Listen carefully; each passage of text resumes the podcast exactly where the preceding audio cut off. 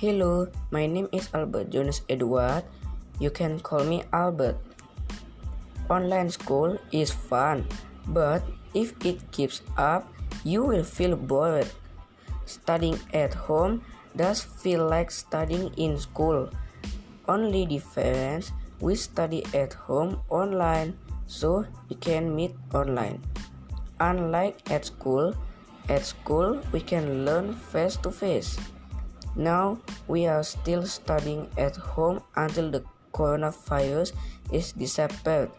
If the coronavirus is disappeared, we can learn back face to face with friends and also teacher at school. Thank you.